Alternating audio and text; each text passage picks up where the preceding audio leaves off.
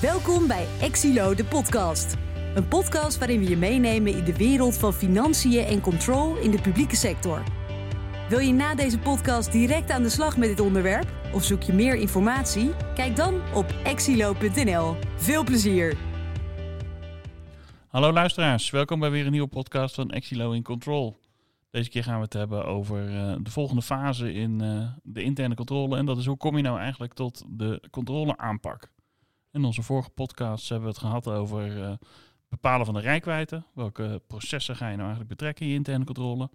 Het uitvoeren van de risicoanalyse.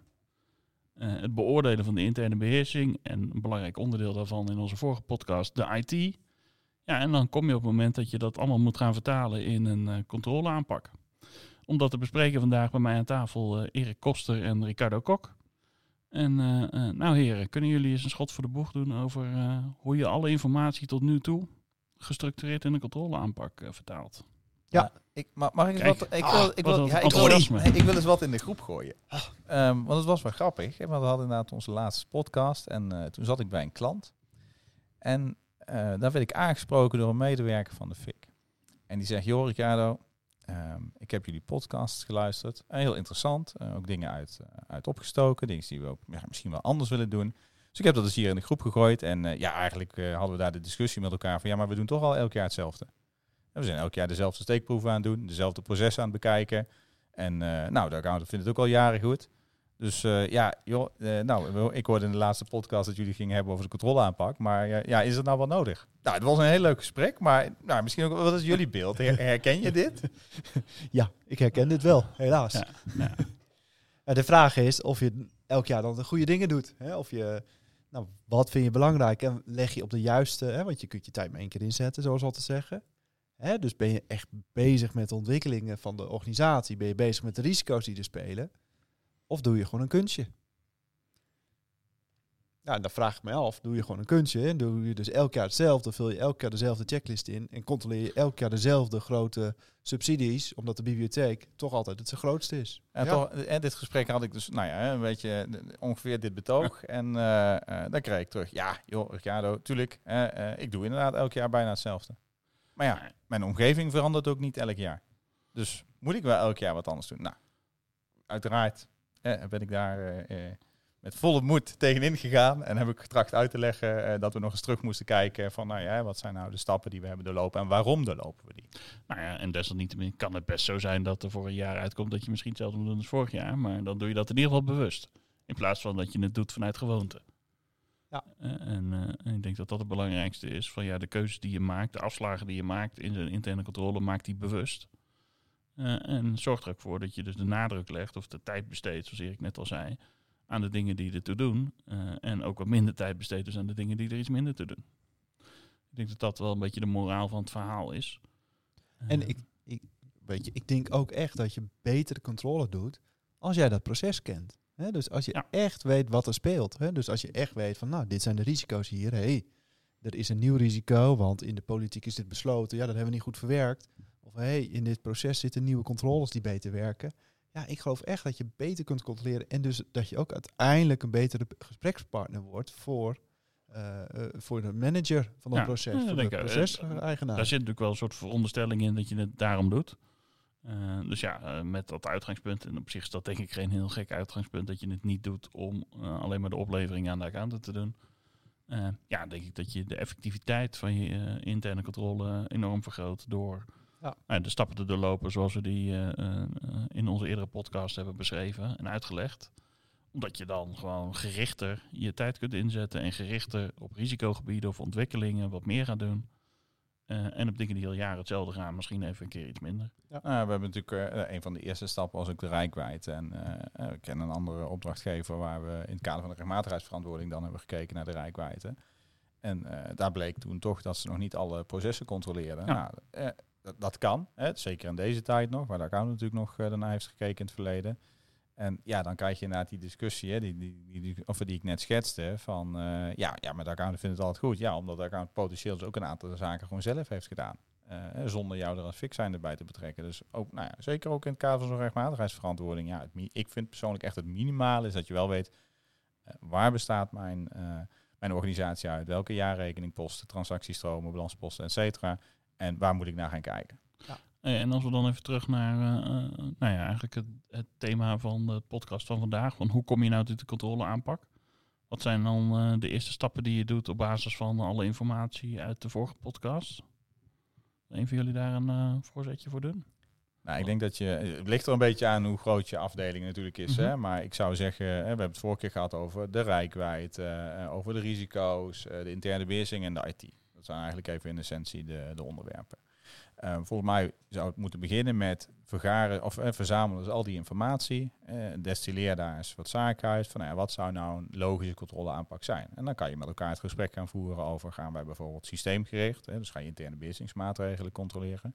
Uh, of ga je gegevensgericht toetsen? En hoe doe je dat dan? Op uh, organisatieniveau of op afdelingsniveau of op procesniveau? Je bedoelt, hoe, hoe doe je dat gesprek? Of, nou, uh, met welke diepgang doe je dit? Ja, met, met, ik zou het sowieso op procesniveau doen. Ja, dus, dus, dan als uitgangspunt neem je eigenlijk die rijkwijde om op proces, op balanspostniveau te kijken van, goh, hey, wat is de risico-inschatting? Hoe hoog is het risico? Wat zijn de beheersmaatregelen die betrekking hebben op dat proces? En dat dan te vertalen in een controleaanpak. Ja, ja. En daar ook, ik zou ook zeker het gesprek met die proceseigenaar aangaan van joh, hè, wij zien dit aan risico, wij zien dit aan interne beheersingsmaatregelen. Uh, we, hè, misschien mis je wat, hè, misschien is er een risico die niet afgedekt wordt. Misschien is er, hè, heeft hij zelf nog ideeën erbij, maar ook gewoon de vraag stellen van nou weet je, als we er naar kijken, betekent dat wij die interne beheersingsmaatregelen systeemgericht gaan, gaan controleren. We doen er een x aantal per jaar. Of we zien het beter dat we gegevensgericht kunnen gaan doen. Hè. Voor hetzelfde geld kan dat makkelijker. Hè. Neem de subsidies, gebeurt ook vaak gegevensgericht. Omdat je gewoon een paar grote hebt. Vraag of je dat jaarlijks wilt. Hè. Of zo'n proceseigenaar dat ook jaarlijks uh, het meest logische vindt. Hè. Misschien ziet hij wel risico's in die andere. Op zo'n manier zou ik er meer mee omgaan. Ja, het is een beetje een efficiëntieoverweging die je dan maakt. Hè? Dat is, volgens mij in het begin, een van jullie zei het ook van. nou ja, volgens mij hadden jullie het gesprek met elkaar van hè, dat je een bepaalde veronderstelling doet en waarom doe je een FIC. Um, kijk, doe je de FIC uh, eh, alleen voor uh, de jaarrekening, dan, uh, dan kan je denken op onderdelen. Nou, Treasury staan denk ik een heel mooi voorbeeld van subsidies soms ook. Hè. Dan doe je gewoon een gegevensgerichte steekproef, controleer er een paar en dan ben je klaar. Um, zit je meer in dat je de toegevoegde waarde wilt gaan leveren, dat je de procesontwikkeling of het proces wilt door laten ontwikkelen en daar ook wilt, wilt adviseren. Ja, dan is het misschien heel onlogisch om nou ja, de meest efficiënte manier te kiezen vanuit tijd. Maar juist ook te kijken van, nou ja, ik, uh, ik kijk wel naar die processen, zodat ik die proceseigenaar kan adviseren over verbetermaatregelen. Ja. ja, want eigenlijk heb je nu nog niks gedaan. Hè? Je hebt nog niks gecontroleerd. Nee. Als we er naar kijken, je besteedt er best wel veel tijd aan, als het goed is. Hè? Dus je besteedt veel tijd aan je rijkwaarde, aan je risico's. In beeld brengen hoe loopt een proces. Ja, en we hebben nog geen dossier gezien. We hebben nog niks gecheckt. Nee, en ik denk ook wel een beetje dat het is vanuit het idee van begin vanuit het einddoel hè, en redeneer dan terug. En uh, bedenk dus ook van oké, maar waarom doe ik dit eigenlijk? Ja. En uh, eigenlijk misschien wel elk uur wat je er aan de voorkant in investeert om goed na te denken over wat je doet, is nou ja, betaalt zich terug in de effectiviteit van de controle daarna. Ja, en niet eens alleen effectiviteit, hè, maar ook wel toegevoegde waarde. Precies. van, is het alleen voor de accountant? Hè? Dat hebben we nu een paar keer gezegd. Hè? Dus doe je het echt alleen om op te leveren, alleen voor die rechtmatigheidsverantwoording dat dat jouw college daar straks uh, zijn krabbel onder kan zetten? Of wil je, en ben je ingesteld als FIC, ik wil ook echt die procesverbeteringen realiseren. Ik wil de organisatie vooruit helpen. Ik wil een kwaliteitsimpuls geven. Ja, en het is wel, het is wel goed. Er zit geen kwaliteitsoordeel in, hè, van beide kan. Ja. En ik denk dat de controleaanpak het moment is om deze keuze als, nou in ieder geval tot uiting te laten komen. Dus als je inderdaad zegt, wij gaan voor een, uh, een sober en doelmatige FIC, nou, hè, en, en, we doen het, uh, nou, het minimale klinkt negatief, hè, maar wij doen wat nodig is, maar we uh, spenderen andere tijd, uh, of onze overige tijd aan andere zaken. Nou, dan is dit dus wel het moment om te zeggen, oké, dat betekent dat we misschien bij tracing en subsidies inderdaad hè, die drie dossiers controleren. Um, dus het is nogmaals, het is geen waardeoordeel, hè, want het, dat, dat klinkt er soms een beetje door van, nou eigenlijk moet je als VIK altijd toegevoegde waarde toevoegen. Um, belangrijk is dat je de controleaanpak denk ik gebruikt om die keuze tot uiting te laten komen. En wat stond de, logische plek om het vast te leggen, die controleaanpak? Is dat dan in één interne controleplan of in een controleplan per proces? Of ja, is jullie beeld? Een beetje wisselend. Ik zie uh, organisaties waarin ze zeggen van, uh, nou, we hebben um, een controle of intern controleplan, wat ik kijk met de afdeling of met een proceseigenaar mm -hmm. opstel. Dus, dan is het eigenlijk misschien ook wel meer het plan van de, van de lijn. Uh, interessant. Uh, laten we die even vasthouden. Daar wil ik zo meteen nog wel even wat over zeggen. Maar maak eerst je verhaal. Ja, heel goed, heel goed. Nou, ik zie er ook wel waar het inderdaad op procesniveau is. En dat je zo nog een overkoepelend plan hebt. Uh, maar ook de varianten waar het één plan is. Um, kijk, waar je voor moet waken, denk ik, is dat je gaat verzanden in het schrijven van plannen. Ja. Um, en dat, dat zie je soms wel ontstaan. Dat er allerlei copy-paste plannen worden met dezelfde structuur. En dan is er één alinea die anders is. Ja, dat is gewoon bijna zonde van je tijd. Ja. De andere kant is, als je alleen op organisatieniveau zo'n plan maakt, ja, zorg dan in ieder geval dat je bijvoorbeeld wel in een bijlage of wat dan ook uh, op procesniveau uh, um, nou ja, wel je aanpak hebt uitgewerkt. Ja, precies. Je ziet in de praktijk soms hele hoge overplannen waar eigenlijk niet precies in staat wat nou de controleaanpak is. En je ziet soms het andere uiterste. Ja. Allerlei detailplannen zonder dat er een soort totaal overzicht is van ja, hoe kijken we nou naar de interne beheersing in totaliteit. Uh, ik zei net, ik wilde nog even terugkomen op die plannen per afdeling. Uh, want het zette mij een beetje aan het denken, omdat je natuurlijk ook wel vaak ziet uh, in de praktijk is dat het maken van uh, afspraken over de controleaanpak of het afstemmen van de controleaanpak met een afdeling niet zo ingewikkeld is, maar dat het ook wel belangrijk is, naar mijn mening, om werkafspraken te maken over hoe ga je de uitvoering doen. Want er zijn ook genoeg uh, FIC-afdelingen die meer dan de helft van hun tijd besteden aan het verzamelen van informatie, in plaats van aan het analyseren van de informatie voor de FIC. Dat, nou, dat is eigenlijk zonde, omdat daar natuurlijk niet de, de kennis en expertise van de FIC voor nodig is. Ehm, dus misschien is het ook wel een soort oproep om in die fase waarin je toch de afstemming hebt over een controle aanpakken. Misschien hoeft dat niet met een afdelingshoofd of een proceseigenaar. Uh, maar wel eens even met die afdeling de afstemming te hebben van hoe gaan we dit nou organiseren. Ja. En dus denk even iets verder dan alleen de technische controle aanpak, maar ook hoe gaan we dit in de praktijk doen. Ja, dat is wel een hele moeilijke, hè? want iedereen, uh, nou, iedereen heeft tijd tekort, ja. altijd. Hey, de waan van de dag regeert vaak. En uh, ja, dan moet je alsnog, hè, moet, ja. iemand moet toch wel die documenten gaan zoeken. Ja, maar des te belangrijker denk ik om het vooraf goed af te spreken. Hè? Want ook hiervoor geldt, ja, elk uur wat je aan de voorkant steekt in het maken van die afspraken, voorkomt twee uur ellende aan de achterkant. Ja. ja. Uh, en is wel vaak een element wat uh, helaas in de praktijk een beetje ondersneeuwt in de techniek. En, uh, en we zien er ook slimme oplossingen voor. Hè? Je ziet ook alle facturen die in systemen opgeslagen worden, ja, die kun je ook via de achterkant eruit trekken. In plaats van ze allemaal uh, één voor één moeten opzoeken, zijn er andere opties voor. Zeker, zeker. Nee, ik denk dat dat ook helpt. Hey, en, en hebben jullie nog een soort uh, best practices of voorbeelden gezien in het land van hoe je die controleaanpak vastlegt uh, in het interne controleplan? Ik weet zelf bijvoorbeeld dat ik een keer heb gezien, vond ik wel een aardig overzicht gewoon op één pagina van dit zijn mijn processen. En dit is de omvang van die processen vanuit mijn rijkwijde. Dit is mijn risico-inschatting voor dat proces op het gebied van fouten en op het gebied van fraude. En uh, dit is mijn controleaanpak. En daar kun je nog aan vastplakken. Dit zijn misschien de applicaties uh, die, uh, die daarmee verband houden. Ehm, dat geeft je heel mooi in één oogopslag een beeld van...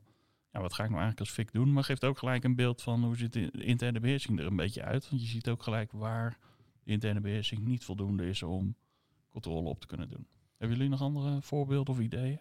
Nee, nee niet gelijk iets waar ik heel enthousiast van werd. Uh, maar nou, ik vond wel dit voorbeeld wel leuk. Uh, want ik ben deze ook wel eens tegengekomen. Maar ook wel echt in verschillende gradaties. Hè, van, um, nou ja, dat het misschien in plaats van één en viertje er dan twee werden. Maar waar het echt uitgewerkt werd. En van oké, dan als dit dan mijn proces is en dit zijn mijn risico's. Dan zijn dit mijn maatregelen die, die ik toets. En dan is dit het gegevensgerichte deel.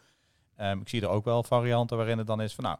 Als dit mijn proces is en dit is de risico-inschatting, dan ga ik interne beheersing toetsen. Punt. Ja. En dan zie je gelijk, ja, dan is het leuk. Dan heb je een overzicht waarin dan uh, de, kruisjeslijst eigenlijk staan. Van, nou, dit is allemaal in een systeemgericht en dit is gegevensgericht. Daar kan je dan niet zo heel veel meer mee. Uh, dus ik denk dat, uh, ik zie dat soms ook wel eens namelijk in orderplannen voor, voor de jaarrekencontrole, de, kruisjeslijsten. Ja, dat zegt natuurlijk niet zo heel veel meer. Dus ik denk dat de, bij de oproep, of de oproep bij dat soort overzichten is wel van, ja, verzand niet in de details, maar ga ook niet heel abstract zitten. Uh, dus uh, probeer het wel wat concreet te maken, zodat je ook wat handvat hebt. En dan kan je het ook als uh, praatplaat gebruiken. Nou ja, precies. En ja, zo'n kruisjeslijst bijvoorbeeld. Ik ben er niet per se op tegen, maar zorg dat er in dat interne controleplan voldoende onderbouwing zit waarom je dan komt tot die uitkomsten. Ja, ja het is ook van belang hè, voor wie gebruik je. Hè? Juist. Is het voor jezelf, zodat jij weet wat je exact moet gaan doen? Ja, dan heb je meer details nodig. Ja. Is het bedoeld als een praatplaat of als een, nou ja, een meer totaaloverzicht richting management? Ja, dan, dan heb je andere niveau nodig. Want wie zou dat controleplan eigenlijk moeten vaststellen? Wat, wat is volgens jullie een logisch gremium om uh, te zeggen van nou, uh, wat dat zo'n controleplan in een gemeente bijvoorbeeld uh, naar directie of naar het college of nog de kennisgeving naar de raad? In de praktijk zie je allerlei varianten, hè, maar... Ja. ja, je ziet dat heel wisselend inderdaad. Nou, ik zou hem sowieso in, moet hij volgens mij in directie. Hè, dat lijkt me logisch. Dat, dat lijkt me ook een passend platform. College vind ik ook nog wel wat van te zeggen. Raad zou ik, nou ja, met alle respect, volgens mij niet. Hè, want het gaat over de uitvoering. De raad gaat over het normenkader bijvoorbeeld. Hè, van joh, wat vinden zij belangrijk waar opgetoetst wordt. Ja, Ricardo? Ja, kijk, het gaat me eigenlijk niet eens zozeer over het gremium, uh, waar het, of het gremium wat er terecht komt, maar over ja, wat bespreek je daar dan? En daar zie je natuurlijk ook wel de varianten van dat nou, een plan integraal wordt besproken met elkaar en dan bediscussieerd over, nou, wat betekent dit nou? Denk, nou, hartstikke goed, hartstikke krachtig. Ja, je ziet er ook varianten wat een hamerstuk is. Ja, als het een hamerstuk is, ook bijna denk ja, nou, hè, hamer het dan vooral niet af, want dan uh, dat is een soort ja, dan heeft het weinig toevoegde waarde. Ja, dus ik denk dat daar ook wel, nou, daar zit voor mij een beetje de, de, de enige nuance op. En um, ik denk, het, nou ja, verder kan ik me aansluiten inderdaad, uh, Erik, bij wat jij zegt. Uh, en raad ook. Uh, volgens mij zou je de raad vooral moeten informeren over eventuele uitkomsten, ontwikkelingen, ja. et cetera. Daar zit volgens mij meer je toegevoegde waarde als ambtelijke organisatie. En dat hoort natuurlijk ook gewoon, denk ik, netjes via het traject van directie en college te gaan. Ja. dus Kijk, en volgens mij moet je sowieso, hè, waar je een controleplan heen stuurt, zeg maar, hè, om te bespreken, moet je ook sowieso de uitkomsten heen gaan.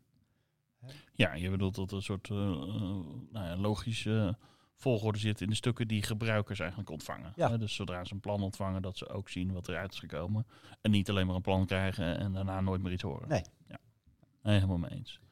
Ja, en de uitdaging hè, om het gesprek te voeren met elkaar. Want wat je natuurlijk nog wel eens ziet, um, zeker als het dan in een uh, directie of in een college komt, dat er een soort verdedigingsreactie ontstaat. Ja. Van ja, maar, en zeker bij uitkomsten. Ja, maar dit, ja, maar zus. Uh, ja, het is natuurlijk, je zit daar niet om de organisatie onderuit te halen, uh, maar om met elkaar te leren. Maar dat is misschien ook wel een leuke voor, voor nog een, een volgende podcast. Ja, we gaan nog een keer een podcast doen ook over de, de, zeg maar de rapportage en de uitkomsten daarover.